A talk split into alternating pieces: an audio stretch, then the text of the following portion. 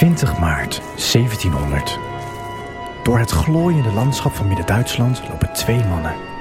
Ze zijn bezig met de tocht van hun leven. Lopend naar Lunenburg, een reis van ruim 300 kilometer. Met één doel: de muziek.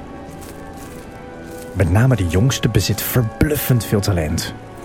Maar hij wil meer. Deze jongen wordt later de grootste componist aller tijden. Zijn naam? Johann Sebastian Bach.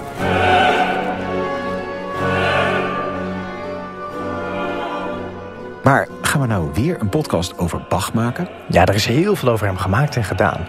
Maar er ontbreekt iets essentieels. Het menselijke verhaal. Bach voorbij de mythe. En daar gaan we in deze podcast wat aan doen. We gaan hem van zijn voetstuk halen, zodat we hem opnieuw op waarde kunnen schatten. En daarin ben jij onze gids. Ik ben Anthony Scheffer, muzikus, dirigent. Ik heb heel veel muziek van Bach uitgevoerd en ik ben daar nog lang niet op uitgekeken. En ik ben Allard Amelink en ik neem het allemaal op. Altijd weer die Bach is een podcast van EO en NPO Klassiek.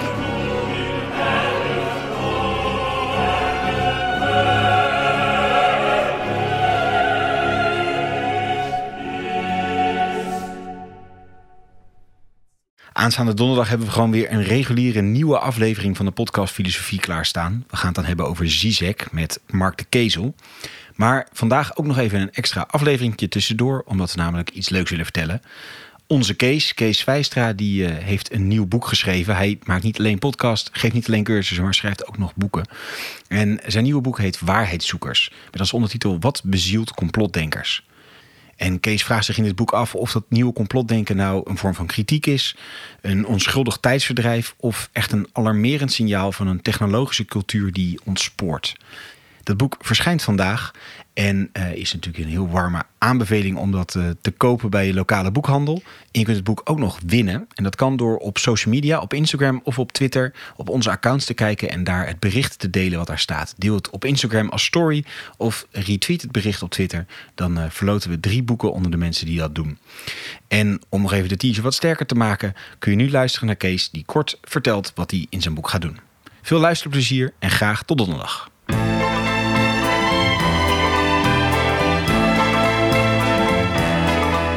Les docks où le poids et l'ennui me courbent le dos.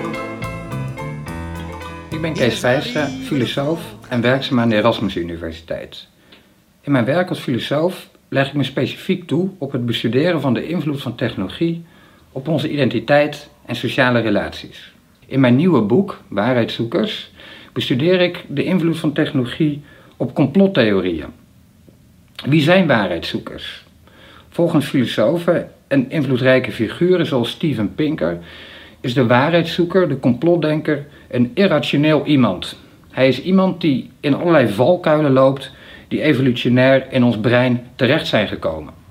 De tip of het advies van deze filosofen aan complotdenkers is dan ook om een poging te doen hun verstand te reinigen van allerlei verkeerde voorstellingen die daarin evolutionair terecht zijn gekomen. Een belangrijk punt in mijn boek is dat dit frame van de complotdenker als een irrationeel iemand niet werkt voor wat ik het nieuwe complotdenken noem. Misschien werkt het wel voor het klassieke complotdenken. Dat klassieke complotdenken kunnen we bijvoorbeeld associëren met de complotbeweging rond 9-11. Die complotbeweging, de, de Truthers geheten, gingen rond deze gebeurtenis, rond het instorten van de Twin Towers, op zoek naar alternatieve feiten waarmee zij uh, een poging deden ook een alternatief verhaal of alternatief ten opzichte van de overheidslezing rond deze gebeurtenis te creëren. De kritiek van filosofen en ook wetenschappers op deze poging van een complotdenken is dat zij dit eigenlijk niet deden volgens de regelen van de wetenschappelijke kunst. Mijn punt is dat in het nieuwe complotdenken, anders dan in het klassieke complotdenken, de inhoud eigenlijk er niet toe doet.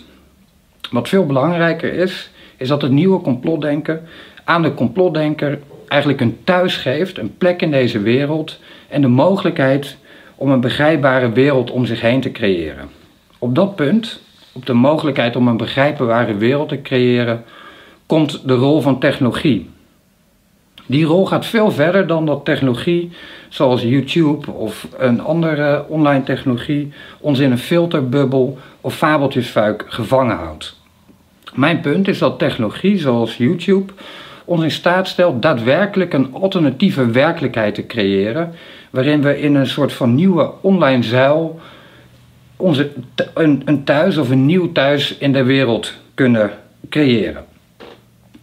Waarom is dat eigenlijk een probleem? Want zijn we allemaal niet op zoek naar een thuis in de wereld en doen we allemaal niet een poging een mate van controle over ons lot te krijgen?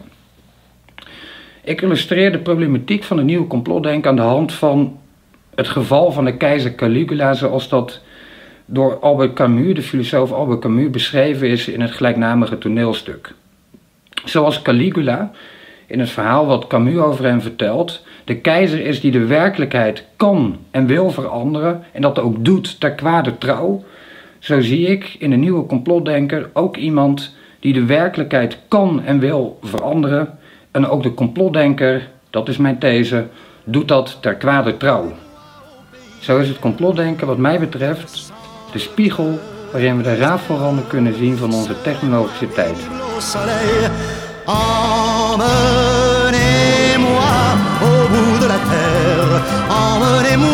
pays des merveilles. Il me semble